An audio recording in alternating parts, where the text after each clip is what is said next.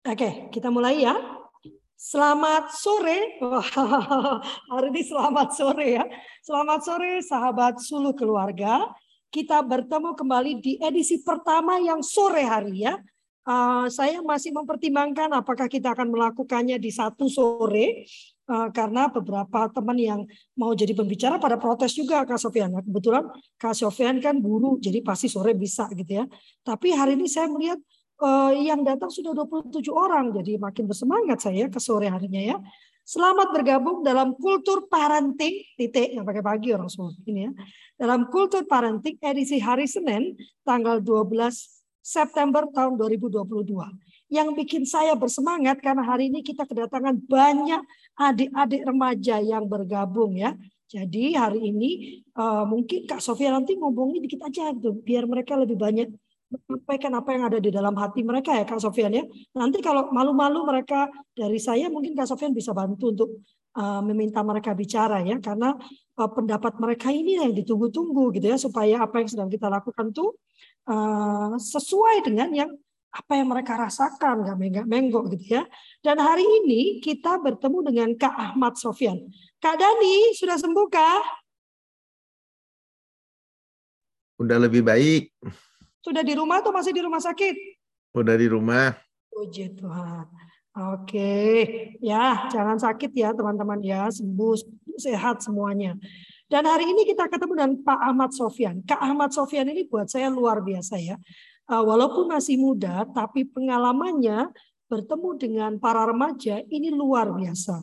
Hal-hal yang kita tidak tahu atau mungkin pura-pura tidak tahu gitu ya.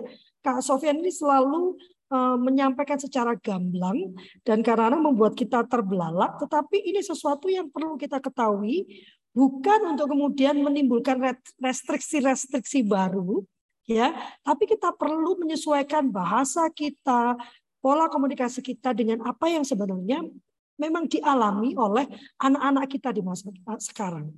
Karena tema kita adalah persekolahan, Kak Sofian ini kebetulan juga guru uh, di beberapa lembaga ya kalau nggak salah Kak Sofian ya di sekolah alam juga kan. Jadi beliau bertemu dengan beragam anak dalam sistem pendidikan yang berbeda-beda. Dan hari ini topiknya menurut saya ini topik umum tapi sebetulnya topik yang sangat menarik ya. Tidak akan habis dibicarakan. Bagaimana sih relasi antara guru dan murid di dalam uh, uh, dalam uh, persekolahan. Relasi seperti apa yang nyaman dipandang oleh guru, tetapi tidak kalah penting juga yang sebetulnya didambakan oleh anak didik kita. Jadi tidak semerta-merta apa yang diinginkan anak didik kita kerjakan semua, tetapi juga tidak menutup mata dari apa yang diinginkan dari anak didik kita. Nah, Kak Sofian ini hari ini bawa pasukan luar biasa uh, dan beliau akan menyampaikan uh, uh, materinya. Silakan Kak Sofian.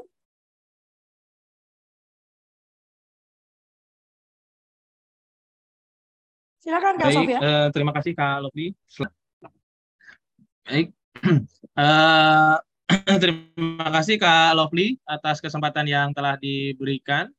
Uh, selamat sore juga teman-teman sekalian yang telah menghadiri uh, kultur parenting untuk hari ini.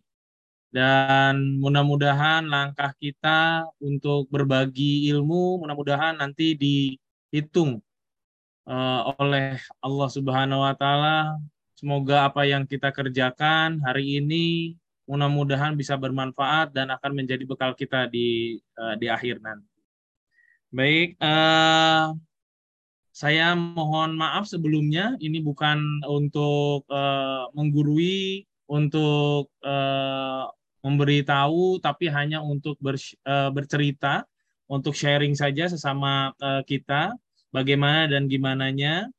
Eh, makanya Kak Lovely juga eh, telah memberikan eh, materi ini cukup eh, apa tema ini cukup wow gitu menantang gitu kan ya. Yang saya lihat di sini adalah eh, mungkin eh, hanya teori-teori gitu kan, teori-teori eh, klinikal di pendidikan. Tapi nanti saya juga membawa eh, anak didik saya untuk di apa ya, untuk di verifikasi lah gitu atau misalkan ingin diungkapkan bagaimana yang seperti tadi Kak Lovely sudah sampaikan apa yang uh, ada unek-uneknya dan bagaimana. Saya izin share uh, screen ya Bapak Ibu semua. Nah ini uh, kemarin kalau Vi uh, meminta saya untuk uh, memberikan relasi guru dan murid. Sebenarnya sekarang bukan guru dan murid lagi, tetapi pendidik dan peserta didik, bukan di sekolah tapi di satuan pendidikan gitu kan. Uh, nah ini uh, ada uh, berita yang harus diperbaiki, ditata ulang uh, oleh uh, Medcom Uh, jadi ini uh, tahun 2020 ini harus ditatar ulang atau dikembangkan kembali antara uh, orang tua dengan uh, guru ya. Dan uh, pada dasarnya kalau yang waktu pandemi itu uh, jadi kita yang sangat kesusahan.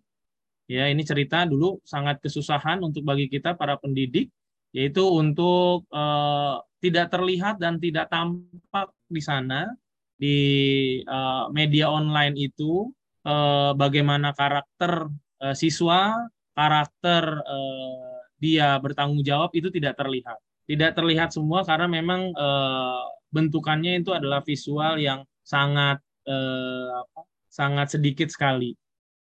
Dan ini uh, pendidik jadi Eh, menurut KBBI di sini pencahariannya adalah atau profesinya adalah mendidik peserta didik atau yang disebut dengan seorang yang berguru. Saya sebelum uh, lanjut gitu kan ya saya ingin uh, menunjukkan uh, ini contoh yang saya ambil dari frenzinya si SMP Lazuardi gitu kan ya. Uh, Nah, ini eh, perilaku-perilaku uh, yang uh, apa uh, negatif ya, seperti ada yang uh, berkata-kata tidak baik gitu kan ya. Uh, terus ada yang kaget, terus marah. Nah, nanti uh, ada yang mengobrol, teriak-teriak. Terus juga nah, kayak gitu buang waktu Nah, ini uh, yang uh, negatifnya, contohnya kurang perhatian pada lingkungan. Jadi contohnya itu ya ada sampah berselakan ya didiamkan saja, tidak ada apa rasa empati, simpati. Seperti yang saat ini juga uh, sudah mulai nih empati dan simpatinya sekarang udah mulai berkurang. Apalagi yang paling dikeluhkan adalah kata krama yang lewat-lewat aja gitu kan ya. Ini yang susah karena ini learning loss gitu kan ya. Ini yang harus mau nggak mau kita harus ini dan uh, nah ini uh, ternyata ada perilaku positif yaitu berada di rumah ibadah tepat waktu. Contohnya ini uh, waktu sholat zuhur karena ada paksaan kan gitu. Karena ada paksaan baik dari uh, apa kita pendidik. Kalau untuk kelas saya yang di 12 itu uh, saya menyuruh ketua kelasnya untuk mencatat uh, siapa yang tidak sholat gitu kan tidak sholat. Nanti saya pertimbangkan untuk uh, nilai waktu akhir uh, ini perilakunya seperti memakai seragam. Ini hanya cerita ya Bapak Ibu semuanya teman-teman sekalian ini dari SMP Lazuardi gitu kan ya bisa kita uh, ambil dari hikmahnya di sini. Jadi ada yang uh, membantu apa tidak nampak sekali untuk waktu-waktu dekat ini gitu kan ya orang dewasa untuk uh, mengingatkan lebih gitu kan. Nah, ini uh, gambaran dari uh, cerita dari uh, SMP tadi Lazuardi ya. Nah, uh, selanjutnya nah ini adalah uh, pengenalan guru terhadap anak. Jadi uh, guru yang berhasil adalah guru yang mengenal anak mulai ber, eh, berbagai karakter atau pribadi, baik di lingkungan maupun di keluarga. Dan ini jarang sekali. Yang seperti apa ya? Seperti keluarga lah, seperti teman gitu kan. Dan temannya juga ini suka kebiasaan ya anak-anak temannya juga masih suka kebablasan juga gitu kan ya. Jadi tidak menganggap ada batas-batas norma yang ada gitu.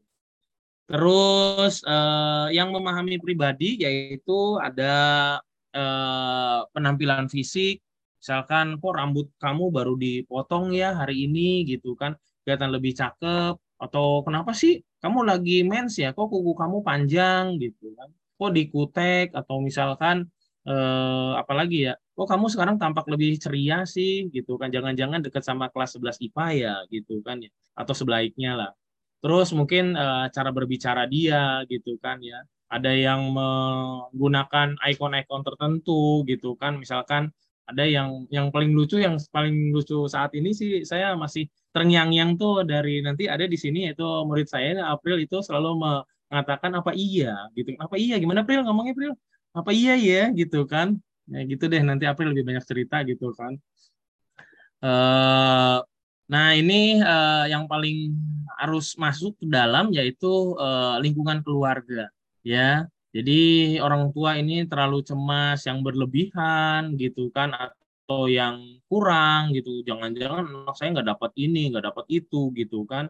Atau terlalu memanjakan gitu kan. Atau terlalu menyerahkan tanggung jawab biarin aja lah. Uh, itu mah urusan gurumu lah gitu kan. Nggak nggak nggak apa nggak masuk ke dalam ranah keluarga. Nah, eh,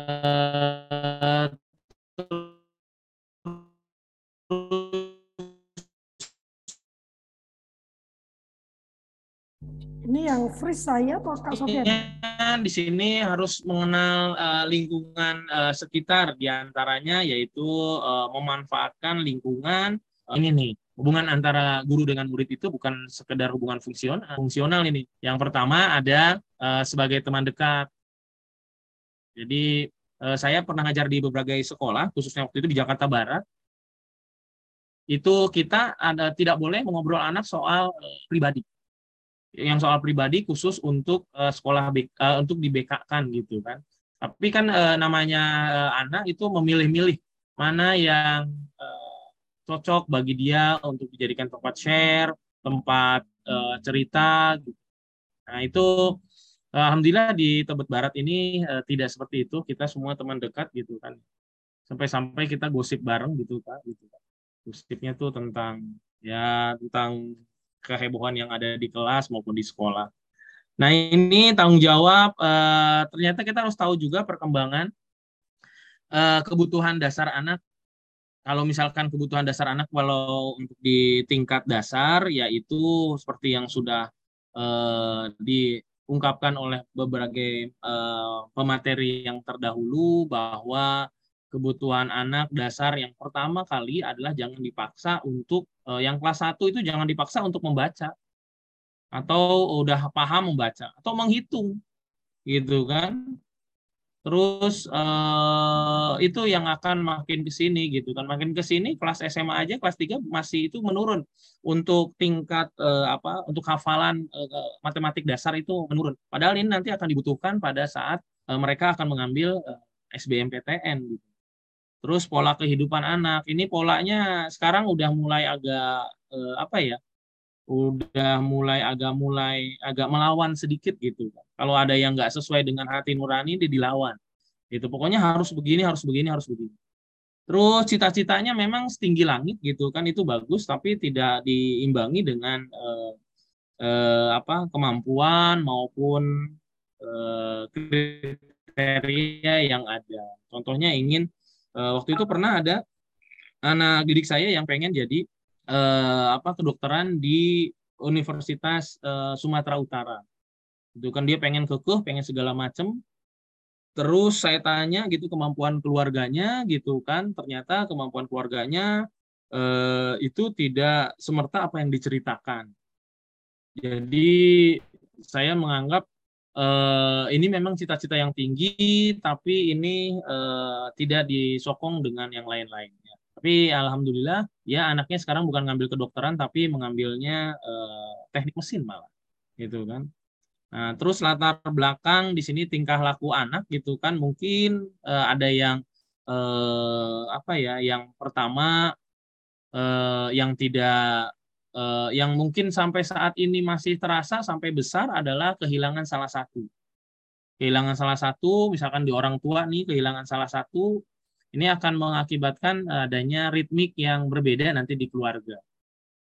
Contohnya kalau misalkan eh, tingkah lakunya eh, kehilangan eh, ibu, itu akan eh, siswanya gitu kan oh, ntar terbawa ke SMA-nya di masa-masa remaja, itu akan lebih eh, susah untuk diberikan pemahaman.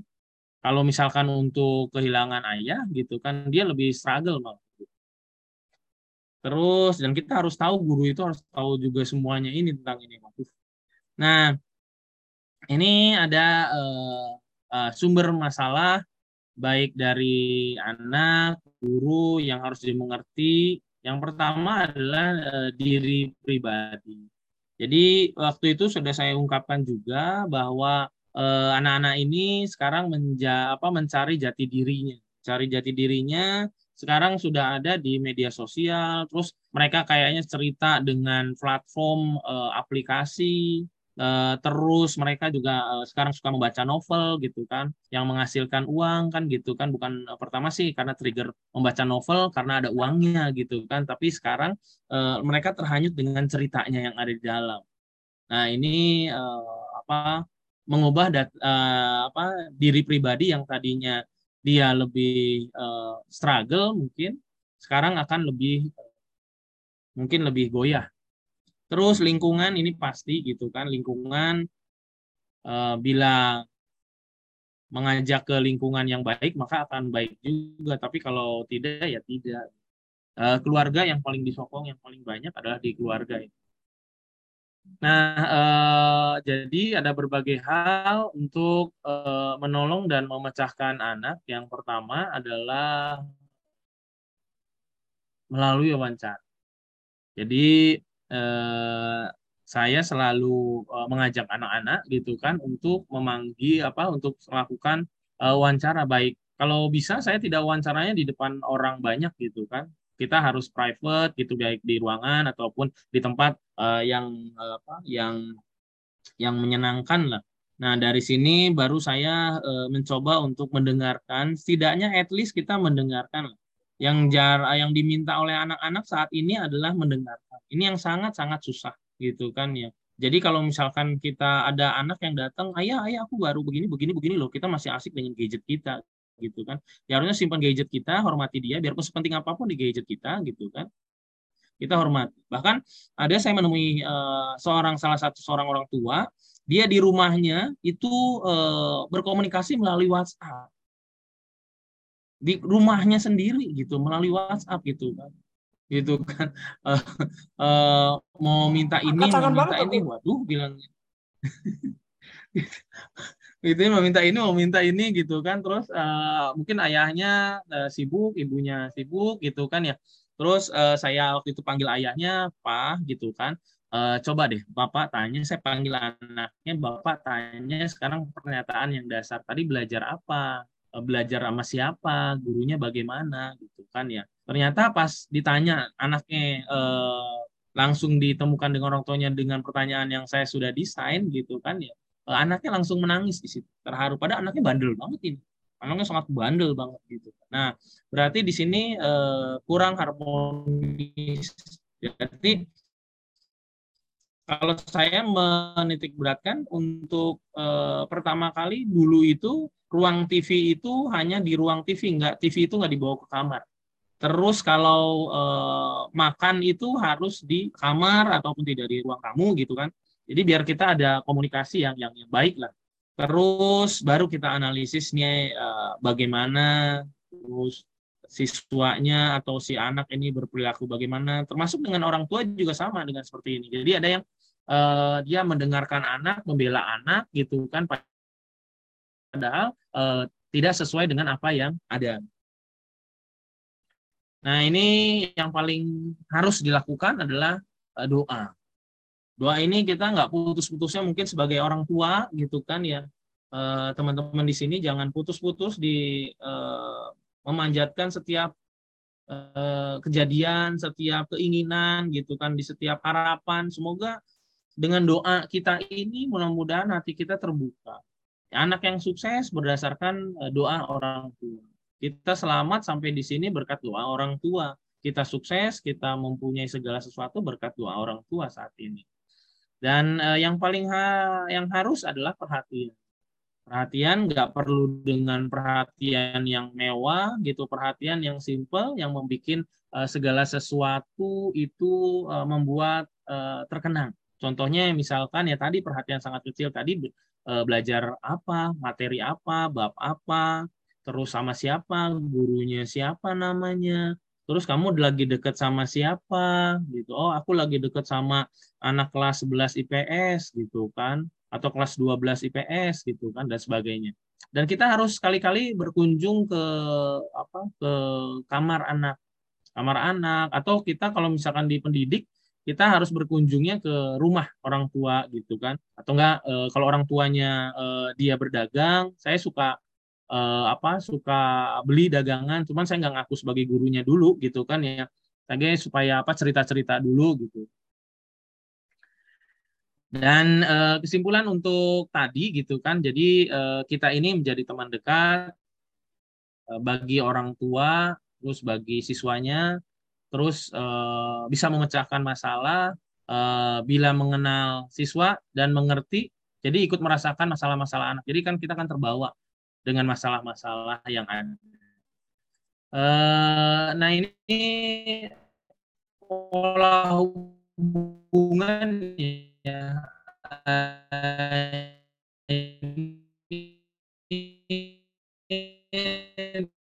teoritis sebenarnya gitu kan. Nah ini ada hubungan instruksional, emosional, spiritual.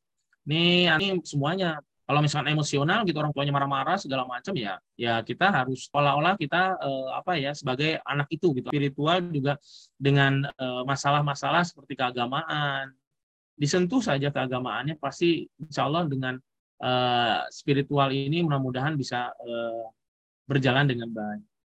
Nah ini pola-pola eh, kita didik dengan peserta didik gitu kan dengan guru dengan murid gitu kan. Ini ada yang satu arah komunikasinya, ada yang dua arah gitu kan, ada yang e, multi arah, ada yang e, multi arah secara interaksi. Ini e, yang ada terada di kelas. Nah, e, jadi untuk menjaga hubungan e, tetap baik gitu kan, tetap baik. Bagaimana yang pertama tidak boleh meremehkan gitu kan, wah jangan-jangan nggak bisa ngapa-ngapain kamu gitu kan. Alah kamu tuh baru lahir saya udah duluan lahir gitu kan. Atau enggak eh, kita bacanya buku Erlangga gitu kan mau maaf menyebut merek gitu kan siswa bacanya buku Yudhistira tapi tahunnya tahun berapa gitu kan. Kita tahun-tahun berapa bukunya gitu kan. Mereka udah ada ilmu yang lebih baru gitu kan dan kita bilangnya ya cuma begitu aja Terus yang kedua menciptakan hubungan timba apa hubungan baik gitu kan. Kalau misalkan di sini adalah hubungan eh, tanam tuai gitu kan. Apa yang Anda tanam itu nggak akan Anda tuai. Nah, ketiga di sini mempertimbangkan motivasi. Jadi motivasi ini yang penting eh, bagi saya sih untuk melihat masa depan. Eh, bagaimana dan gimana khususnya bagian kelas 3 ini motivasinya bagaimana caranya supaya eh, pertama menggoyahkan atau me, mengkeroyok itu perguruan tinggi negeri supaya kita jebol atau enggak eh, tidak di perguruan tinggi negeri tapi memilih perguruan tinggi swasta tapi nanti dengan eh, sesudah lulus dari situ kita akan jadi lebih struggle. Terus keempat juga kita harus menguasai kelompok-kelompok nih kan biasanya kalau di sekolah itu suka ada kelompok A, kelompok B, kelompok C dan kita harus bisa menyatukan ini. Dan ini eh, menjembatani ini susah sekali menguasai kelompok-kelompok.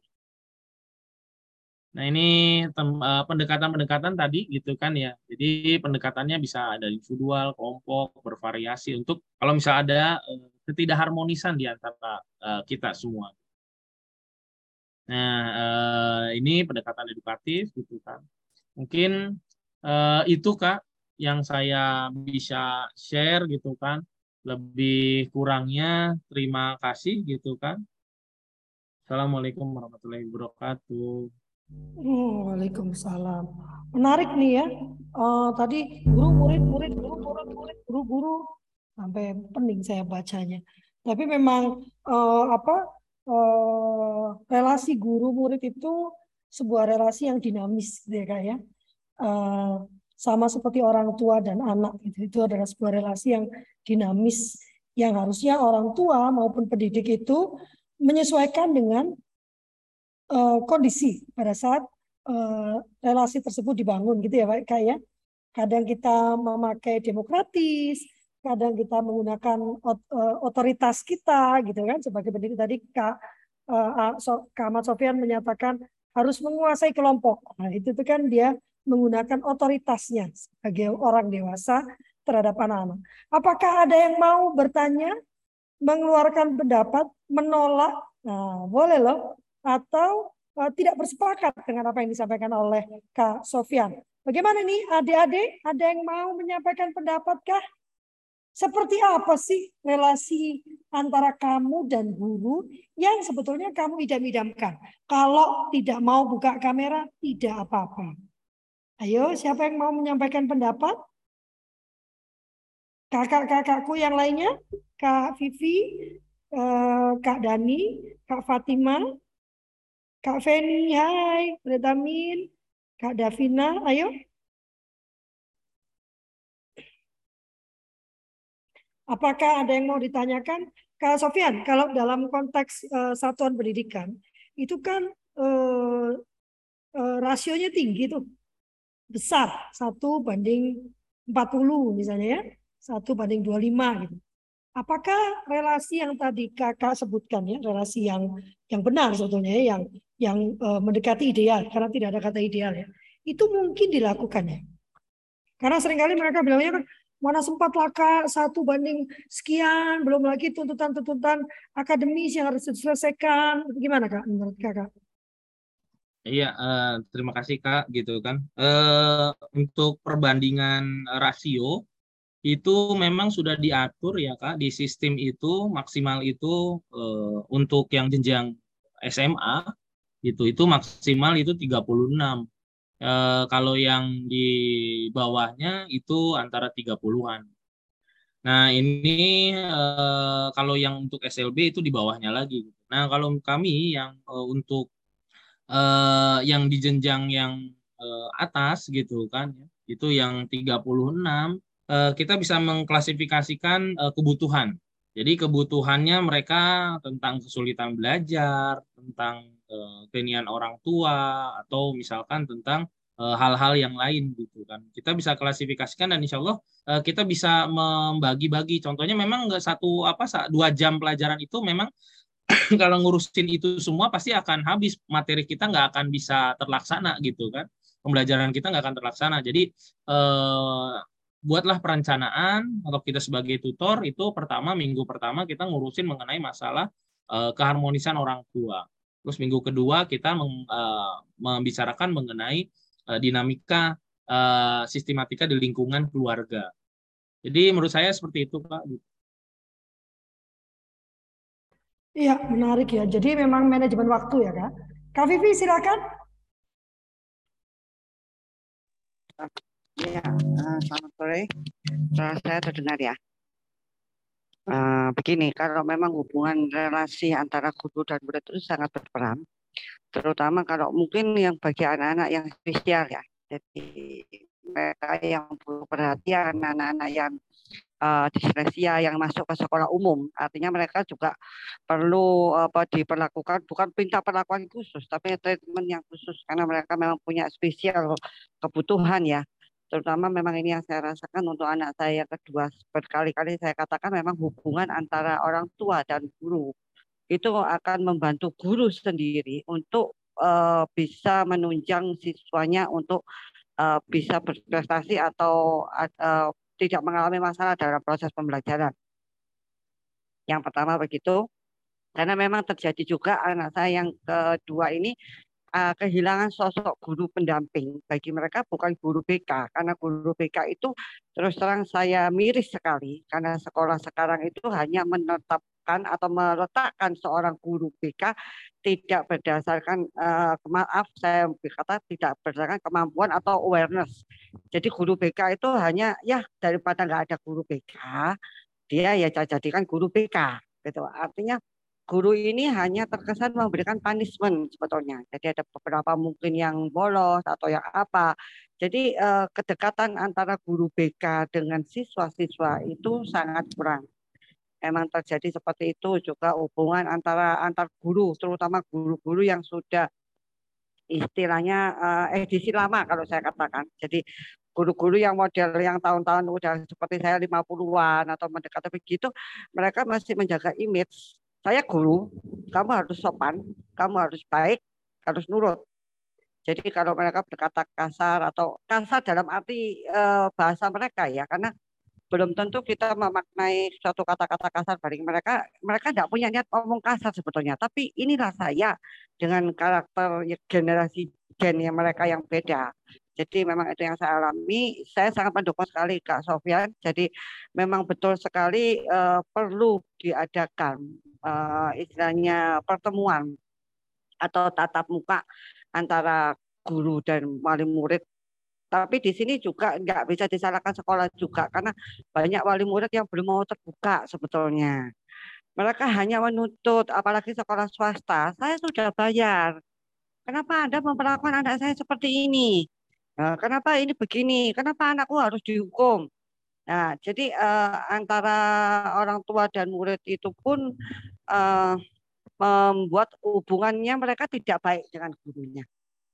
Jadi terus terang kalau kita tidak memahami kesulitan atau bagaimana guru itu mengajar dalam kondisi yang tadi dikatakan standarnya itu satu banding berapa.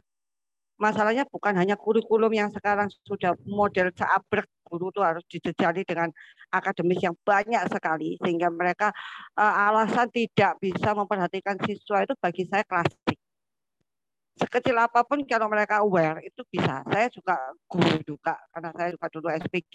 Saya tahu betul saya juga uh, pendamping di gereja juga anak-anak ABK juga seperti itu. Di mana waktu saya menjadi pendamping di sekolah minggu, 100 anak itu ada dalam satu momen. Tetapi bagaimana kita memperhatikan satu persatu, itu memang tidak semua. Kalau yang baik-baik saja ya nggak usah diperhatikan. Artinya mereka sudah bisa jalan. Yang tidak ini memang pandangan harus tertuju. Dan ini memang Nggak tahu saya bagaimana caranya sekolah-sekolah, terutama yang saya alami sekolah anak saya ini, kepedulian gurunya sangat kurang. Alasan selalu biasa klasik mereka mengatakan, oh aku sudah banyak harus bikin laporan dan segala macam. Enggak lah, saya bilang gitu. Anda bisa kok dalam kelas itu tetap ada interaksi. Bagaimana kedekatan guru dan eh, siswa. Ini juga peran orang tua juga. Orang tua tidak bisa menyalahkan guru. Apabila misalnya katakan potongan rambut aja simple. Uh, kalau di sekolah anak saya harus 3, 2, 1. Jadi ada susunannya ya. Jadi di bawah 1, 2, kemudian atas sendiri 3 cm. Nah, pada saat anak itu rambutnya sudah melebihi aturan, orang tua nggak boleh dong. Mas, tidak apa-apa, tidak apa-apa, nanti aja dipotong. Saya malah kadang-kadang mendukung supportnya seperti itu. Sekolah juga harus disupport pemakaian seragam, apa eh, ketentuan-ketentuan sekolah. Bahkan di sekolah saya kan ada sistem poin ya. Sekolah anak saya sistem poin. Nggak pakai sabuk 5 poin. Nggak pakai ini berapa poin. Berkata kotor 50 poin. Melakukan hubungan begini berapa poin. Itu di poin-poin-poin. Tetapi sampai pada ketegasannya juga tidak pernah. Karena begitu anak diberlakukan poin, orang tuanya protes gitu aja. Jadi mungkin perlu sekali, sayang sekali kalau untuk kesempatan seperti ini uh, di sekolah di tempat saya berdomisili belum ada yang berminat mengikuti ini. Padahal mereka harusnya aware banget tentang kebutuhan kenakalan remaja itu bersumber bagaimana kenyamanan mereka di sekolah. Bagaimana mereka ditemah, diterima oleh guru dengan kondisi berkata kasar. Kalaupun mereka berkata kasar, seperti anak saya sekarang ini saya melakukan. Mereka kadang ngomong, eh, mohon maaf kalau bahasa eh, katakan bahasa Jawa itu kalau di Jawa Timur jancuk gitu. Nah, kadang-kadang orang bilang jancuk itu apa?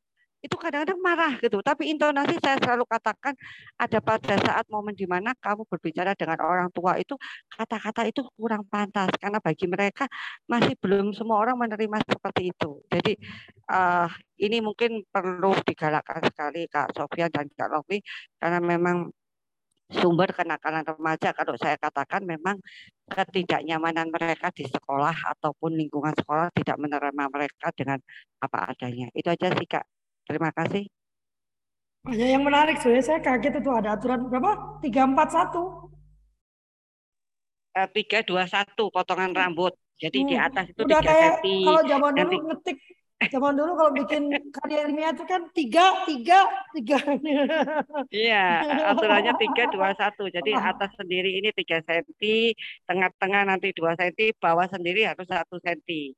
Itu aturannya Sampai begitu. gurunya Kalau bawa, enggak bawa ini, dipetal itu, gurunya bawa ini, di, di sekolah. bawa garis. Enggak tahu, Bu. Tapi memang kondisinya seperti itu. Jadi memang tujuannya merapikan. Sebetulnya eh, peraturan itu seharusnya orang tua murid mengerti betul kenapa alasan itu diperlakukan. Mungkin mengganggu. Karena kalau cowok ya, kalau cewek memang tidak ada aturan seperti itu. Kalau cowok ada aturan 321 itu tadi. Nah, bagaimana anak itu menerima aturan itu adalah sebagai bentuk kedisiplinan demi kenyamanan mereka. Pakai kaos kaki itu harus yang berlabel apa eh, sekolah gitu ya. Kemudian sepatunya harus hitam. Apa maksud tujuannya mereka nggak tahu. Mereka tahunya kalau nggak pakai, kalau nggak ngikutin aturan, aku kena poin. Nah, akibatnya ini yang memang apa menjadi masih menjadi dilema antara orang tua murid, siswa dan guru. Begitu. Menarik. Silakan Kak Sofian. Kak Sofian, silakan memberikan tanggapan. Eh, baik, eh, terima kasih Kak eh, Lovely, Kak Vivi tadi eh, banyak banget ini. Eh, yang pertama memang untuk eh, apa eh, kita harus eh, tahu dulu mana sekolah umum, mana sekolah yang eh, kebutuhan eh, apa khusus. Tapi ada di sekolah di tengah-tengah mereka, gitu antara sekolah umum, sekolah eh, di tengah-tengah, sama di sekolah eh, apa eh, sekolah kebutuhan. Nah, ini di sekolah eh, ada waktu itu pernah siswa kami gitu kan kalau ditaruh di sekolah kebutuhan dia akan lebih pinter. Tapi kalau ditaruh di sekolah umum dia ketinggalan dengan teman-temannya. Dan itu tadi betul yang Kak Vivi sampaikan memang betul Kak gitu kan ya. Kami dulu itu memiliki guru BK itu cuman hanya apa ya eh, sesuai administrasi saja. Udah pokoknya ada aja guru BK ada aja. Nggak memahami eh, bagaimana background segala macam. Lah saya tanya gitu kan, eh, lah kan kamu yang guru BK masa guru biologi yang harus iniin gitu kan ya. Maksudnya saya gitu kan masa harus tahu sih begini-begini. Saya mana tahu itu apa anak yang memiliki apa kesulitan belajar terhadap ini itu itu yang banyak-banyak masa materinya lah gitu kan. Memang betul itu gitu kan ya. Eh, jadi kalau misalkan untuk eh, guru pendamping gitu kan di pada apa eh, siswa yang memberi apa memiliki kebutuhan khusus karena kita di sekolah umum itu tidak ada yang mengerti tentang itu gitu kan. Kami waktu itu aja contohnya ada siswa kami yang yang kalau di depan itu kami saya sampai kaget gitu kan. Saya sampai kaget itu tak tahu dia tiduran di di depan di depan uh, papan tulis. Dia tidur benar-benar tidur gitu kan ya. Uh, sampai saya kaget aduh begini. Terus di bukunya saya tulis eh, saya lihat itu dia gambarnya selalu gambar pedang mulu. Dari buku dari gambar pertama sampai terakhir buku tulisnya gambar pedang. Gitu kan. Terus dia kalau misalkan melihat perempuan dia langsung melihatnya terlalu apa ya terlalu dengan penuh dengan eh, gairah dan hawa nafsu gitu kan. Sehingga si perempuan ini takut gitu kan. Tapi baik sih baik gitu. Karena kami udah bercoba gitu kan mencoba bertanya kepada sekolah tetangga sekolah eh, yang ini. Jadi eh, apa eh, ketidaktahuan mereka. Mereka tidak memiliki apa ilmu tentang itu gitu kan ya. Dan kami juga untuk mencoba untuk eh, apa cerita kepada sekolah berkebutuhan khusus. Karena sekolah tetangga kami bersekolah apa kebutuhan khususnya mengenai uh, sisang anak-anak gitu bukan yang remaja gitu kan. Nah tadi untuk guru-guru edisi lama memang yang edisi lama Kak Vivi sampaikan gitu kan ya. Ini yang harus disentuh Kak Vivi gitu kan ya. Memang uh, paradigma makin ke sini makin ini gitu kan. Tapi kita harus sabar mengayomi saja. Seperti contohnya uh, waktu zaman pandemi ini mau nggak mau guru edisi lama itu mau nggak mau harus mendobrak teknologi gitu. Dan ada juga yang saya rasakan memang ini uh, yang saya rasakan adalah uh, bila uh, kalau saya untuk yang guru swasta itu uh, karena kami itu lebih peduli dengan anak karena saya berpikirnya kira-kira itu anak saya gitu. Kira-kira itu anak saya. Terkadang kalau saya lihat di berita ada yang mutilasi, pemerkosaan terhadap, saya miris gitu, Pak. gitu kan tapi itu seolah-olah anak saya gitu kan sampai sampai benar-benar uh, teriris gitu. Dan memang kepeduliannya itu sangat beda jauh. Seperti Kak Vivi sudah sampaikan kalau di kita ini kalau misalkan guru yang sudah berlabel memiliki uh, penghasilan dua digit itu pasti uh, tidak pedulinya itu lebih tinggi gitu dibandingkan yang satu digit ke bawah gitu kan. Itu lebih uh, satu digit ke bawah itu mungkin Kak Vivi juga udah pernah ngerasakan gitu kan. Bagaimana kita merasakannya bukan karena uang ya Kak Vivi mungkin Kak Lovely juga udah merasakan tapi karena uh, apa karena ibadah karena ya apa karena kepedulian kita gitu kan dulu juga saya belum menjadi ayah tapi merasa saya juga dipanggil ayah gitu. Kan waduh gua anak gue banyak ya gitu kan. Cucu gue juga banyak gitu kan. Ternyata saya merasa waduh bilang gitu kan ada kepedulian. Mungkin itu kak gitu kan. Jadi mudah-mudahan gitu kan. Kalau misalnya memang betul guru BK itu selalu bikin uh, punishment ya gitu kan.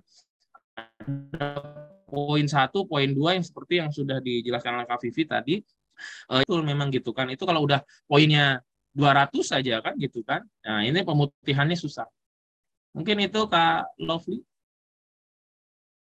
udah kayak utang aja ada pemutihan ya Anak-anak, ya. adik-adik ini bagaimana? Ada yang mau berpendapat kah? Apa sih? Kalian kan katanya sudah dikenai kurikulum merdeka. Nah, apakah kalian sudah merasa dimerdekakan? Mana nih? Oke, baik. Eh, Mutia, coba Muti. Yo, Muti. Muti, Muti ayo, Ti. Kenapa, Pak? Tadi uh, kalau Fli tanya tentang uh, bagaimana uh, implementasi kurikulum merdeka. Silakan Mut. Udah merdeka belum sih? Kau merasa dimerdekakan nggak sih? Sama guru-guru, Pak, Bu. Bukan. Ya, sama apa... guru, sama sekolah. Apakah kamu merasa dimerdekakan? Merasa. Gimana? Kenapa? Apa yang membuat kamu merasa dimerdekakan?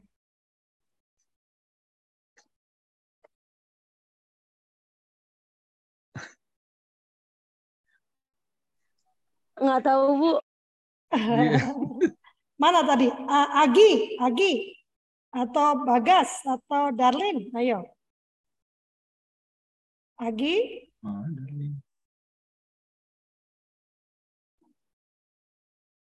Ayo yang oh. lainnya mungkin ada uh, April ayo April. April? Oke oke. Saya jawab ya. Uh, ya baik. Itu gimana? Kenapa? Gimana iya, Sofia? Gimana? Kasnya dia katanya kalau ngomong? Oh, apa iya ya? dong, Pak. Oh iya. Ah, kebetulan kita ini masih kurikulum 2013, jadi belum kedapatan kurikulum merdeka. Cuma kebetulan saya ada beberapa kenalan adik kelas dan mereka tuh banyak ngeluh. Maksudnya ya. Jadi kayak kurikulum merdeka itu kan kebanyakan presentasi ya.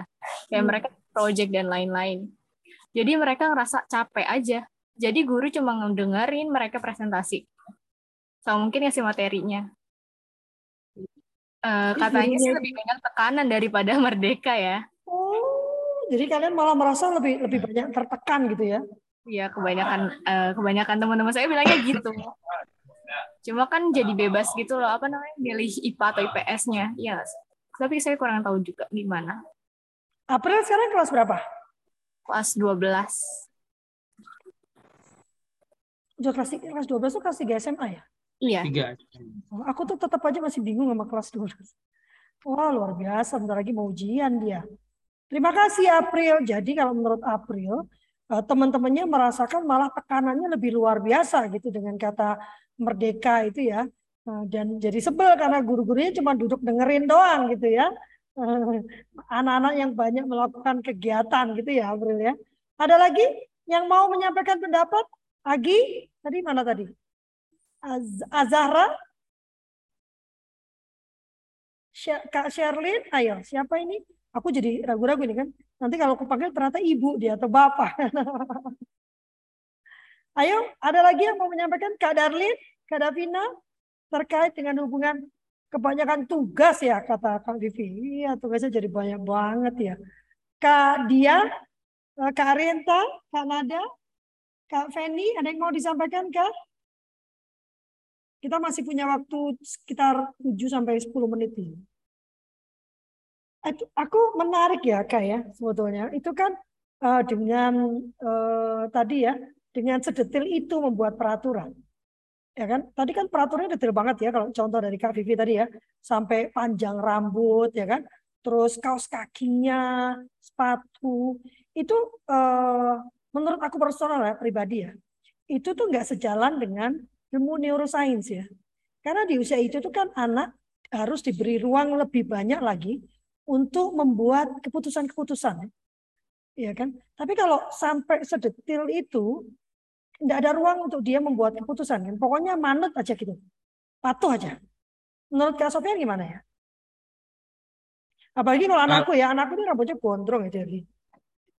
Baik eh, Kak gitu kan. Untuk apa eh, peraturan-peraturan yang spesifik gitu kan itu kita dapatnya justru dari orang tua juga kan gitu kan. Jadi contohnya begini eh, waktu itu kita larang gitu kan eh, siswanya ibu siswanya itu eh, pakaiannya roknya itu udah ngatung ya bilang gitu kan udah ngegantung lah gitu kan.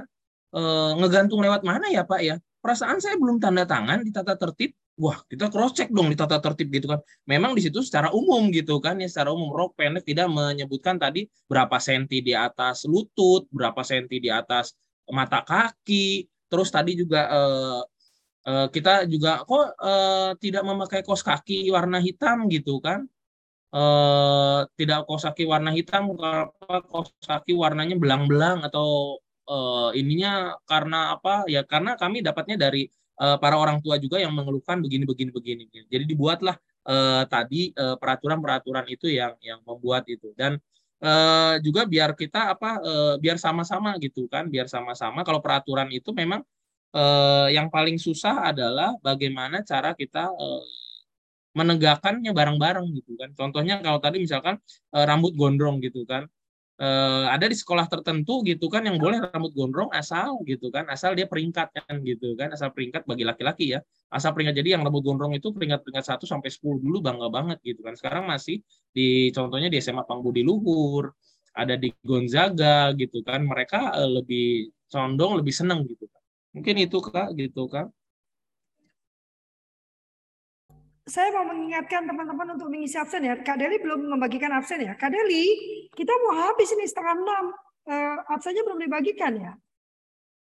Silakan mengisi absen ya. Kepentingan absen itu adalah untuk memberikan eh, topik-topik uh, yang bisa saya pakai untuk eh, pertemuan-pertemuan mendatang. Kak Deli, silakan ya absennya dibagikan ya. Oh itu baru masuk. Ya kata Kak Canita, kata anaknya kurikulum merdeka itu merdekanya malah membingungkan katanya. Karena banyak tugas malahan. Ya Kak Dani sudah buka kamera ada yang mau ditanyakan? Waduh senang lihat Kak Dani udah mulai sehat. Saya kehilangan partner di eh, diskusi Kak Dani mau sakit komen aja kali ya. Silakan Kak. Mau terima kasih sama Kak Sofyan untuk apa yang udah di share uh, ya berapa kali saya ikut uh, kultur parenting ini eh, mungkin kendalanya jadi sama ya bahwa apa yang dibuat di sini itu sangat luar biasa. Ide-ide yang apa yang tadi eh, Kak Sofian bilang itu wow. Kalau seandainya itu bisa diterapkan gitu, betapa kita ini punya anak-anak yang bahagia gitu. Uh, saya percaya bahwa anak-anak itu mau mau dekat, mau dikenali gitu ya, mau mau ada hubungan dengan dengan gurunya gitu. Nah, cuman memang ya berapa banyak sih orang yang yang seperti Kak Sofian ini gitu. Itu yang jadi masalah kan gitu. Yang yang kadang-kadang aduh mesti buat apa ya gitu. Karena lebih banyak guru kalau kalau eh, dari guru yang saya kenal itu dia bilang beda antara pengajar dan pendidik. Kebanyakan di Indonesia ini pengajar. Jadi dia cuma mengajarkan materinya tapi dia tidak mendidik anaknya gitu. Nah, jadi kalau cuma pengajar aja ya dia, dia cuma datang udah memberikan materinya selesai udah. Dia nggak mau peduli anaknya ngerti nggak ngerti atau anaknya bukan yang nggak ngerti cuman dia dalam kondisi mungkin lagi ada masalah keluarga atau mungkin lagi ada masalah apa yang harusnya dikena, dicari tahu dulu kenapa kok dia sampai ke titik itu gitu loh. Nah itu yang yang memang yang sulit gitu. Dan betul uh, kebetulan saya ada apa uh, saya ada hubungan dengan dua dua apa dua orang psikolog yang kerja di yang mereka diperbantukan di satu sekolahan gitu. Dan mereka saya tahu eh, sangat profesional dan istilah tuh ya karena kebetulan memang sekolahnya sangat mahal sekali ya. Jadi ada orang dan mereka bukan cuma berdua gitu. Satu memang khusus untuk dia eh, mencari tahu anak ini eh, bakat dan minatnya apa dan mengembangkan gitu. Jadi udah ketahuan bakatnya di mana Terus bagaimana orang ini mengembangkan khusus. Jadi dia bikin programnya, dia kenali anak-anaknya. Nah, satu lagi itu di gangguan belajar gitu. Dari yang mulai yang simple sampai yang kelainan pun dia dia bisa gitu. Dan memang mereka ini eh, satu tim ini dibayar untuk khusus untuk mengenali anak-anak. Tapi eh, dia mereka bilang gitu. Eh, dia mereka sebutkan sekolah-sekolah yang yang lumayan mahal pun nggak punya tim seperti ini memang mereka punya tim di sekolahnya ini. Jadi ya itulah kendala yang ada. Tapi saya sangat sangat apa eh, berterima kasih lah sama Kak Sofian ya udah udah mau share ini dan sangat berharap apa yang eh, Kak, Kak Sofian buat ini eh, bisa di-share lah, bisa dibagikan ke ke banyak orang gitu. Itu aja. Dan satu lagi juga kurikulum itu saya juga lagi mencari tahu terus namanya kurikulum merdeka itu seperti apa sih karena uh, satu karyawan saya uh, komplain juga gitu. Anaknya baru kelas 1 SD, masuk jam 6.45 pulang setengah tiga. Dan betul dia di sekolahnya nggak cuma melakukan banyak kegiatan aja, tapi tetap aja dia bilang. Akhirnya itu di kelas itu giliran sakit aja. Ya anak satu SD dari jam 7 pagi sampai setengah tiga di sekolahan terus gimana nggak sakit gitu gilirannya sakit satu nanti masuk dan dia sendiri sebagai ayah kadang pulang kantor mau ajak anaknya main aja nggak bisa karena anaknya udah udah kecapean seharian di sekolah. Itu aja sih. Makasih. Dan dia pakai kurikulum merdeka ya Kak Rizka dan dia. Iya, pakai kurikulum, kurikulum merdeka dan katanya pengajarnya masih muda-muda, 20 tahunan gitu. Cuman memang kayak nggak masih belum saya juga masih pengen tahu juga apa sih konsepnya seperti apa namanya apa namanya aja kurikulum merdeka atau konsepnya seperti apa belum tahu juga. Konsepnya bagus, di tataran kebijakannya sangat bagus, ya, sangat luar biasa. Cuman ya penerjemahan di bawahnya itu kan kalau tidak terjadi perubahan paradigma berpikir ya susah. Silakan Kak Sofian sambil sambil menutup ya sudah jam setengah enam. Saya tahu teman-teman yang Muslim akan bersiap untuk maghrib ya. Baik, terima kasih uh, Halo Fli, teman-teman di sini atas uh, perjumpaan hari ini dan ini merupakan suatu kebanggaan bagi saya untuk uh, sharing di sini.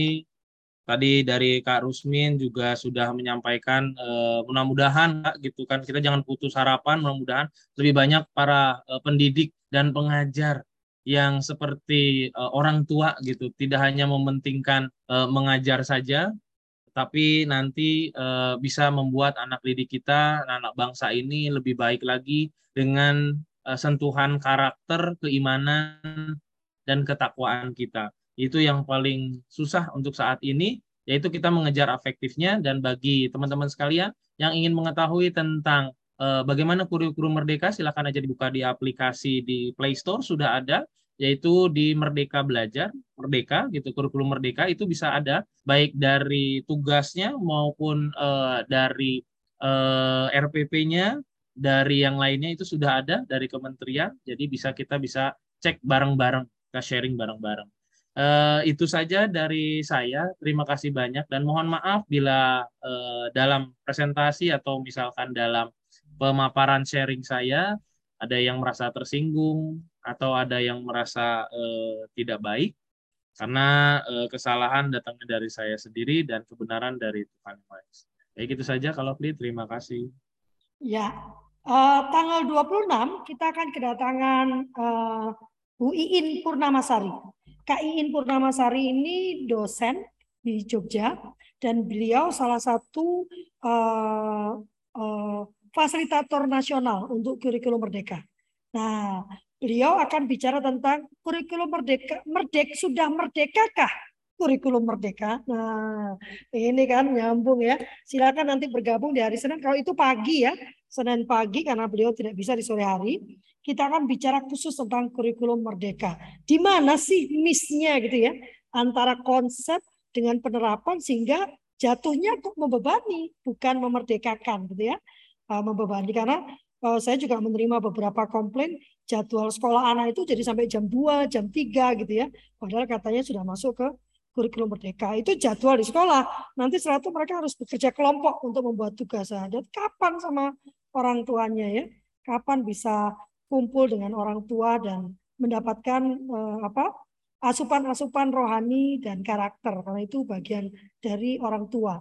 Termasuk tadi Kak Sofian menyatakan ada learning loss. Yang disebutkan learning loss-nya adalah perilaku anak yang mundur. Nah, ini sebetulnya bukan learning loss, ini namanya parenting loss. Karena itu semua diajarkannya dari rumah. Bagaimana berbicara dengan orang dewasa, bagaimana lewat di depan orang dewasa itu kan dari rumah sebetulnya.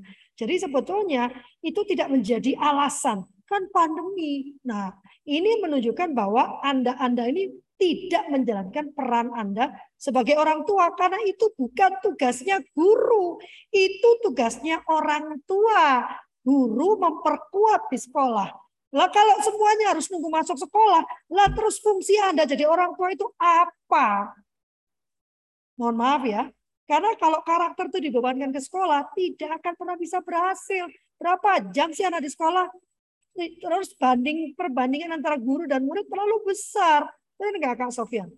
Saya enggak mau membebani guru dengan itu. Itu tugas keluarga, tugas orang tua. Ayo orang tua bangkit, bangun. Ini Anda punya tugas yang diberikan oleh Tuhan, tapi Anda tidak menjalankannya. Terima kasih Kak Sofian ya. Saya senang kalau Kak Sofian yang bicara, selalu mata kita tuh dibukakan dengan realita yang ada. Karena Kak Sofian langsung berhubungan dengan anak-anak remaja saat ini. Kalau saya kan anak-anak saya sudah menjelang dewasa ya, jadi sudah tidak lagi uh, update dengan apa yang dialami oleh remaja.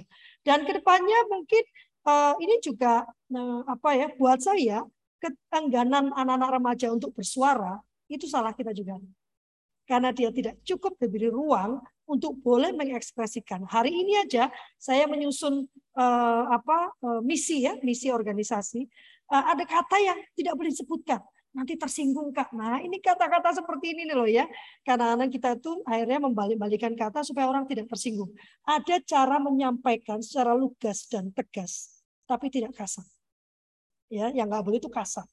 Tapi menyampaikan secara jujur itu penting. Ya, terima kasih banyak teman-teman. Hari Rabu kita akan bertemu dengan Kak Twinky kalau nggak salah ya. Ya, Kak Twinky, beliau akan bicara, eh kok Kak Twinky? Bukan, Kak Mari, Maria Hardono. Ya, Kak Maria Hardono. Beliau akan bicara tentang topik yang sedang beliau senang ini, bagaimana menanggulangi bullying di sekolah. Ya, hari Rabu kembali jam 7 sampai jam 8 pagi. Kita akan bertemu dengan Kak Maria Handono dan kita akan bicara tentang bullying di sekolah. Terima kasih banyak kakak-kakak SMA yang sudah mau bergabung sore ini. Eh, kakak berharap kamu kalian semua melihat acara ini eh, memberikan kemerdekaan buat kalian berbicara. Karena salah satu hak anak yang harus dihormati oleh orang dewasa adalah hak untuk didengarkan hak untuk dihargai pendapatnya. Maka adik-adik pendapat kalian itu sangat penting ya. Dari kalianlah sebetulnya kami tahu bagaimana seharusnya kami bersikap. Ya, terima kasih banyak. Selamat menjelang uh, jam maghrib ya. Dan uh, juga uh, kami mengucapkan terima kasih Kak Deli. Silakan difoto ya. Silakan diberikan hatinya sambil saya menutup. Kami mengucapkan terima kasih atas kehadiran teman-teman dan memohon maaf yang sebesar-besarnya apabila ada pernyataan, perkataan, sikap atau gestur yang kurang berkenan karena saya kalau ngomong tuh lupa gitu ya eh, atau gesturnya lupa gitu ya. Terima kasih dan memohon maaf dan kami tidak ingin menyakiti, tidak ingin memojokkan, tidak ingin menghakimi, tidak juga bermaksud untuk menggurui, kami hanya ingin menyampaikan apa yang menjadi keyakinan kami dan yang berusaha kami kerjakan dalam kehidupan kami sehari-hari. Kak Sofian, mohon PPT-nya dibagikan, nanti Kak Deli akan mengubahnya menjadi video, dan doakan ya, saya sedang berusaha meluangkan waktu agar uh, rekaman ini bisa saya ubah menjadi artikel sederhana sehingga nanti bisa dibagikan lagi biar makin banyak orang yang bisa dijangkau ya. Terima kasih banyak. Wassalamualaikum warahmatullahi wabarakatuh. Tuhan memberkati.